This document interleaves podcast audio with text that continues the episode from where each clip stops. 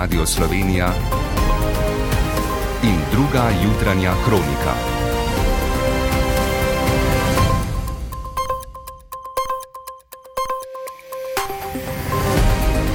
Ura je sedem.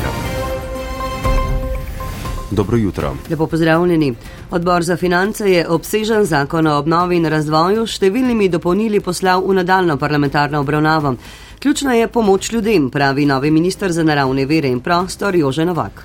Mi imamo na terenu 330 potencijalnih objektov, ki se bodo morali odstraniti in jih bo treba nadomestiti. V Dubaju naj bi se končala podnebna konferenca, a zadnja različica dogovora, ki ne omenja ukinitve fosilnih goriv, je razočaranje. Pogajalci so se zato sinoči znova sešli. Kot je napovedal okoljski minister Bojan Kumer, bodo skušali doseči. Prva točka je popolno opustitev fosilnih goriv, druga točka zmanjševanje premoga, tretja točka pa ukrepanje že v tem desetletju. Izrael je sporočil, da je na severu Gaze, kjer divjajo srditi boji, že skoraj uničil Hamas. Ob nenehnih napadih je humanitarna kriza vse hujša, razseljeno je skoraj celotno prebivalstvo Gaze, večina strada. O razmerah bodo znova razpravljali Združeni narodi in spet skušali sprejeti resolucijo o premirju. Na trasi drugega tira Divača Koper je končan 400 metrov dolg železniški viadukt Gabrovica, ki ga je zasnoval Marjan Pipenbacher. Kot pojasnjuje, so ga gradili s posebno tehniko, kar je zelo pomembno za naše gradbeništvo in pridobivanje referenc te izkušnje, ne, ki, ki bojo tu, zopet bi rekel, se bojo uporabljali pri eh, tretji osi. V višinah do povdne še nekaj sonca, po nižinah meglino, popovdne se bo pooblačilo. Z vami sva Tatjana Popovič in Benjamin Jeram. Zajeten in zapleten zakon o obnovi in razvoju po avgustovski ujmi je pripravljen za odločanje v državnem zboru. Dolgo usklajevan svežen rešitev naj bi po eni strani pospešil obnovo prizadetih območij, po drugi pa nas pripravil na nove vremenske ekstreme z manjševanjem tvegan in povečanjem odpornosti na podnebne spremembe.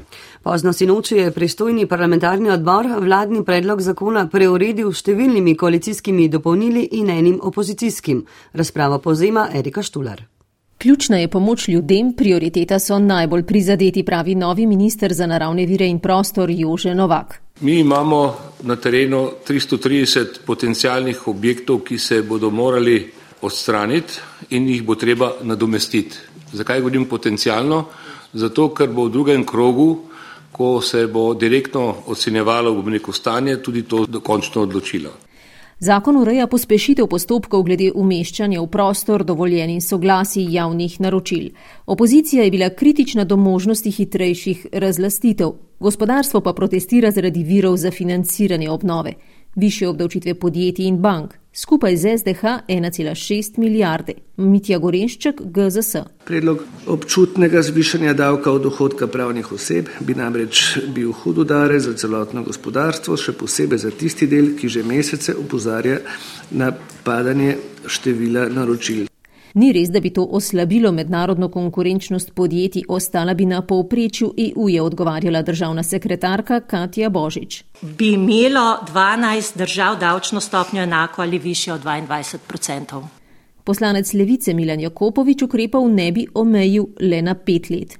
Denar se ne bo jemal ljudem, ki ga ob trenutni stopni inflacije ima večina vse manj, ampak od kapitala od dobička. Eh, upamo pa, da bodo postali del sistemske zakonodaje. Zvonko Črnače SDS pa je z ustrajanjem. Te finančne ocene eh, ne prepričajo. Prepričal večino naj porabo sredstev sklada za obnovo vsako leto revidira računsko sodišče. Koalicija pa je z dopolnili dala občinam večjo vlogo pri vzdrževanju vodotokov drugega reda in za razvojno prioriteto opredelila celo tretjo razvojno os, ne več le koroškega dela. Različne poglede na rešitve v zakonu o obnovi in razvoju bomo predstavili tudi v današnjem studiu ob 17. Parlamentarni odbor za zdravstvo je sinoči interventni zakon v zdravstvu poslal v nadaljno obravnavo. Poslanci so z dopolnili uvedli številne popravke predloga. Predlog ohranja ureditev, ki predvideva omejitev višine nadomestil za bolniško odsotnost pri 2,5 kratniku višine poprečne bruto plače. Med drugim so preoblikovali člen o ukrepih v izjemnih okoliščinah. Šolojočim se otrokom do 18. leta starosti bo obvezen zdravstveni prispevek, ki se uvaja z novim letom, plačevala država. Na trasi drugega tira Divača Koper je končan železniški viadukt Gabrovica, ki prečka Osabsko dolino. Popovdne si ga bodo ogledali premijer ter ministrica za infrastrukturo in njen turški kolega. Gabrovica se vije pod največjim avtocestnim viaduktom pri nas s Črnim kalom, oba je zasnoval projektant Marjan Pipenbacher. Konzorci kolektor CPG in Jampi Markezi je gradbena dela na drugem tiru začel pred dvema letoma. Alinka Trlep. Lovili so roke, se mora biti za sofinanciranje z evropskimi sredstvi, gradnja, tudi viadukta Vinjani in predora Škofije, zaključena v letošnjem letu. Gabrovica je več kot 400 metrov dolg viadukt, ki povezuje kraški rob z istrskim gričevjem. S posebno tehniko so po izgradnji stebrov narivali prekladno konstrukcijo. Za naše gradbeništvo in novično pridobivanje referenc pomembno. Marjan Pipenbacher. Te izkušnje, ne, ki, ki bojo tu, zopet bi rekel, se bojo uporabljale pri eh, tretji osi. Turški delavci so bili že pri gradni stebrov presenečeni nad močno burjo, no vlakov dejansko zaradi betonske protiveterne ograje ne bo videti in kako umestiti železniška viadukta, ne da bi pokvarili dihjemajočo veduto unikatnega viadukta Črnikal. To pač pol pomeni, ne, da probaš z nekim občutkom zopet stopiti v ta prostor, pač s tema dvema viaduktama. Ne? No, zvan ima obliko črke U, izgledal bo kot hitri potniški vlak, ki švigne izpod črnokalskega viadukta čez Osapsko dolino. Bi rekel, on tako oblikovano, da se svetlava lomi, ne? To se pravi, on je zlomljen, ne, kot, kot kristal je zlomljen. Ne, teda mi v bistvu v veduti, ko ga bomo pogledali, bomo mi videli, mislim, optično ali pa, ali pa mentalno ga bomo dojemali kot eno štirimetrsko konstrukcijo, ki bo v bistvu zelo, zelo tanka in bo zginila preko doline. Svojo nalogo bo morala upraviti še vlada in pristojna ministerstva. Drugi tir namreč vedno gradimo kot en sam tir, za usporednega bo treba dopolniti državni prostorski načrt in pridobiti gradbeno dovoljenje, na kar čakajo nenormalno dolgo. Druga jutranja kronika. Ura je 7 in 7 minut. Pogajalci na podnebni konferenci v Dubaju so dolgo v noč obravnavali včeraj objavljen osnutek sklepnega dokumenta, ki za Evropsko unijo ni spremljiv zaradi premalo jasnih zavez na področju blaženja podnebnih sprememb. Osnutek kot izjemno slab označujejo okoljske organizacije. Pogajalci bodo danes skušali zbližati stališča. Iz Dubaja Špela Novak. Čeprav včeraj objavljeni osnutek sklepov, ki naj bi ga sprejeli danes, povdarja zavezanost ciljem pariškega sporazuma, pa je besedilo v nadaljevanju preveč ohlapno in premalo zavezujoče, da bi te cilje v resnici lahko ohranili, opozarjajo nevladne organizacije. Diego Casais iz nevladne organizacije Avas. To besedilo je katastrofalno, saj je v nasprotju z duhom pariškega sporazuma in v nasprotju s tem, kar so zagovarjale številne države in organizacije civilne družbe. Ne omenja odprave fosilnih goriv, ne omenja časovnih rokov, je zelo ohlapno in ni to, kar smo pričakovali od konference.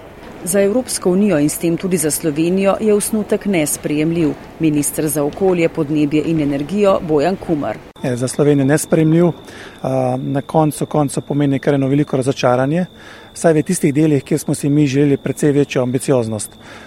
Gre za besedilo, predvsem v delo, ki naslavlja blaženje Ali bo podnebna konferenca končana danes, kot načrtuje njeno predsedstvo, je težko napovedati. Je pa minister Kumar včeraj dejal, da je za Evropsko unijo bolj sprejemljivo pogajanja končati brez dogovora, kot pa sprejeti slab dogovor.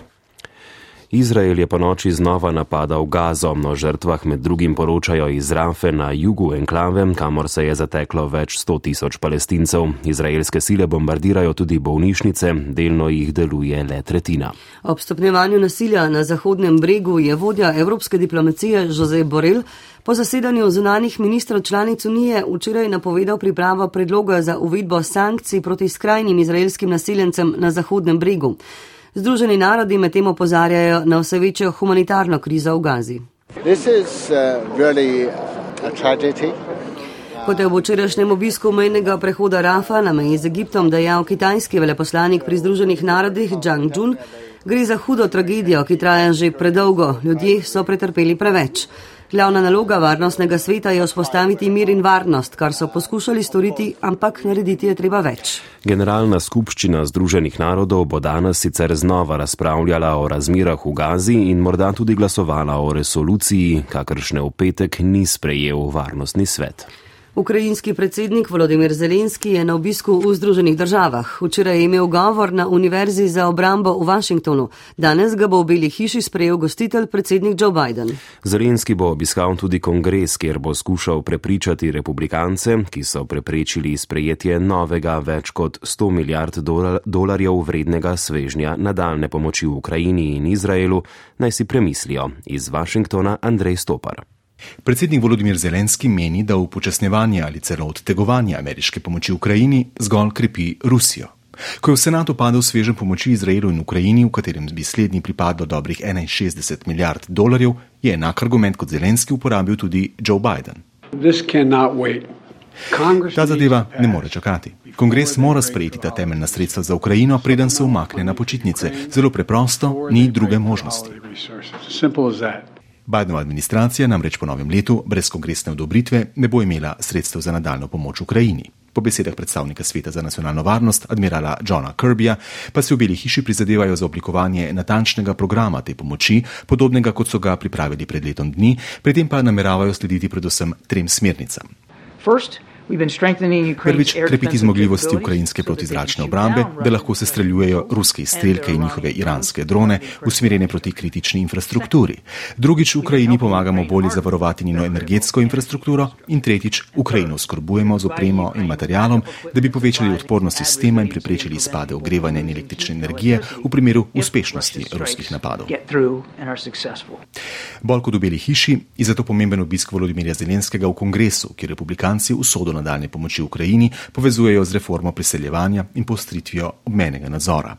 A ne le to, podobno kot predsedniški kandidat Donald Trump, ki nasprotuje ameriški pomoči Ukrajini in se zauzema za dogovor z Vladimirjem Putinom, menijo tudi nekateri vidni republikanci. Trumpov podpornik senator J.D. Vance, na primer, je prepričan, da bi morala Ukrajina del ozemlja odstopiti Rusiji, s čimer ne bi se vojna hitro končala. Donald Tusk je novi polski premijer. Danes bo v sejmu potrjena vlada, ki jo bosta poleg državljanske platforme sestavljali stranki Tretja pot in Levica. Obetajo se reforme, s katerimi naj bi popravili škodo nastalo v minulih osmih letih, ko je vladala stranka Zakon in pravičnost. Ta bo odslej močna opozicija, ki lahko skupaj s predsednikom države Andrejem Dudo tudi zavira sprejemanje reform v parlamentu. Maja Derčar. Stranke nove polske koalicije imajo že izkušnje v vladah. Se lahko zgodi, da zaradi različnih stališč ne zdržijo mandata? Politolog z Univerze v Varšavi Olgierd Anuševič za RTV Slovenija pravi. We, we Imamo pregovor, da nič ne združuje bolj kot skupni sovražnik.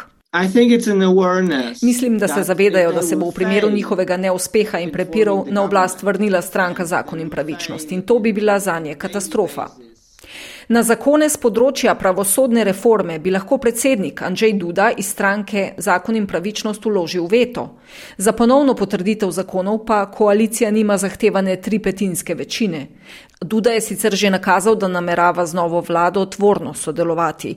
Na vse zadnje gre pri reformi sodstva za vprašanje odmrznitve nujno potrebnih evropskih sredstev. If. Če hoče vlada odpraviti spor z Evropsko unijo, Evropsko komisijo, se mora s tem strinjati tudi predsednik, drugače jim ne bo uspelo. Donald Tusk je vlado že vodil med 2007 in 2014. Takrat je, da bi pomiril tuje vlagatelje in demonstriral zdravje javnih financ, sprejel nepriljubljeno reformo, postopen dvig upokojitvene starosti na 67 let. Zatem se je na oblast povspela stranka Zakon in pravičnost, ki je starostno mejo upokojitve znova znižala na 60 let za ženske in 65 za moške.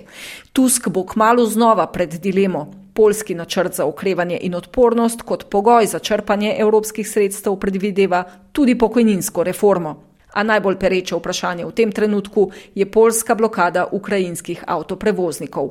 Včeraj so sicer odprli največji meni prehod med državama, Evropska komisija pa od Polske zahteva popolno odpravo blokade.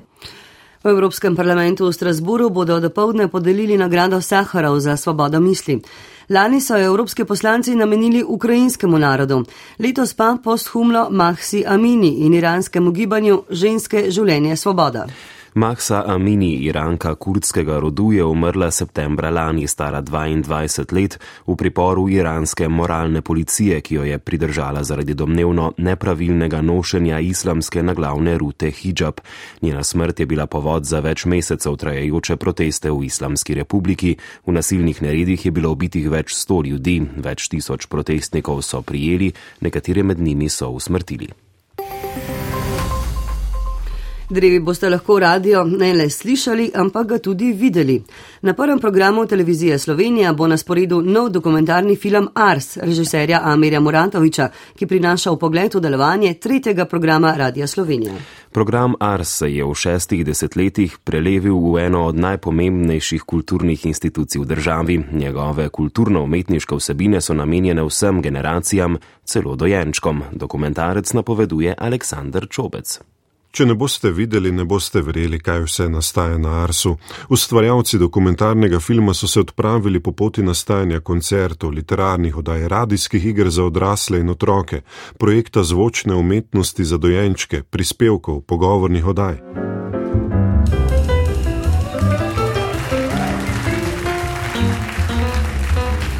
Skozi radijsko igro pride umetnost dejansko v vsak dom in pride že v zipko. Ne? Izvolite. Hvala lepa, je pa. A boste na prestolu ali boste kleki? Povejte. Predvsem pa dokumentarni film ponuja pogled v nastajanje Arsovega programa v to, kdo so radijski glasovi. Režiser Amir Muratovič. Zanimivo se mi je zdelo pa tudi to, da malo kdo med vami je zgolj novinar. Ne? Med vami so filozofi, pisatelji, pesniki, slikari glasbeniki, ne, skladatelji. In to je res ena zakladnica znanja, kar se pozna tudi na Arsovem programu. Dokumentarni film Mars pa tudi kaže, da je radio, predvsem pa njegov kulturno-umetniški program še vedno tu, ne glede na to, koliko krat so mu napovedali izumrtje. Ljudje smo pač tudi bitja poslušanja. Kaj na Arsu poslušate, boste lahko videli drevi na prvem programu televizije Slovenije ob 20.35, na to pa bo dokumentarni film na voljo tudi v spletnem arhivu. Pristojni parlamentarni odbor je sinoči po preureditvi s številnimi dopolnili potrdil zakon o obnovi in razvoju po avgustovski ujmi. Po novem bo zakon tako določal tudi, da mora porabo sredstev sklada za obnovo vsako leto revidirati računsko sodišče, občinam pa bo namenil večjo vlogo pri vzdrževanju vodotokov drugega reda. V Srpski dolini so na trasi drugega tira Divača Koper zgradili 400 metrov dolg železniški viadukt Gabrovica. Dolino prička pod avtocestnim viaduktom Črnikav, zasnovan ga je projektant Marjan Pipenbacher. Generalna skupščina Združenih narodov bo danes znova razpravljala o razmerah v Gazi in morda tudi glasovala o resoluciji, kakršne v petek ni sprejel varnostni svet. Pride nadaljuje Marko Pangarc, ki prinaša pregled športnega dogajanja, omenimo še nov statistični dosežek košarkarja Luke Dončiča. Od Nagi Dallasa nad Memphisom v severnoameriški ligi NBA je dosegel svojo tisočo trojko v ligi, za kar je potreboval 352 tekem. Hvala za pozornost in nasvidenje.